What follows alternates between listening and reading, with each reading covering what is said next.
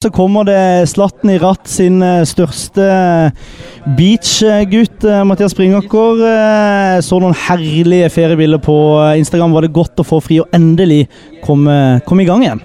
Ja, det er alltid godt å komme i gang igjen. Når vi, spesielt når vi kommer i gang eh, så godt som vi gjør. Så det, det er viktig at vi får med oss tre poeng i dag, og vi vinner såpass overlegent.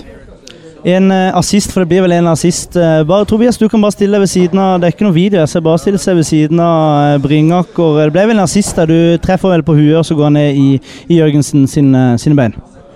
Ja, det var litt eh, klabb og babb der, så, men eh, jeg tar den. Du tar den. Tobias, du fikk også et, et tap-in-mål, eller på en retur iallfall. Hvordan føltes det? Nei, alltid godt å skåre. Tårskudd, sier eh, Bringaker, eh, men mål er mål, er det ikke det? Jo. Jo. Det er jo finere enn 90% av målene til Bringaker, så, um, så deilig var det. Utrolig god stemning her i dag, eh, boys. Er det sola, eller er det seieren, eller en blanding?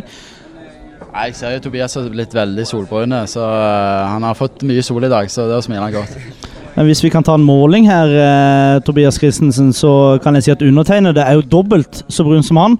Og jeg er også Bruno Bringaker. Ingen slår Håkon Kile eh, uansett. Nå kommer det tre eh, Men du er jo en type som har tilbrakt mye tid i Kroatia, er det ikke sant? det? det, det, er, men det er jo Altså, dere Instagram-følgere, jeg kan, jeg kan uh, takke for, for det. Nå prøvde jeg å dra opp det når vi kommenterte underveis. Madsen. har du vært to uker på, uh, nede i Kroatia, men eh, han ville prøve, prøve å holde fokus på kampen. Men, eh, men vi må ha litt feriesnakk òg, kanskje. Men, men nok om det. Nok, eh, nok om det, men eh, nå kommer det kamp tett i tett plutselig etter eh, tre ukers pause. Hvordan, eh, hvordan er det, Tobias?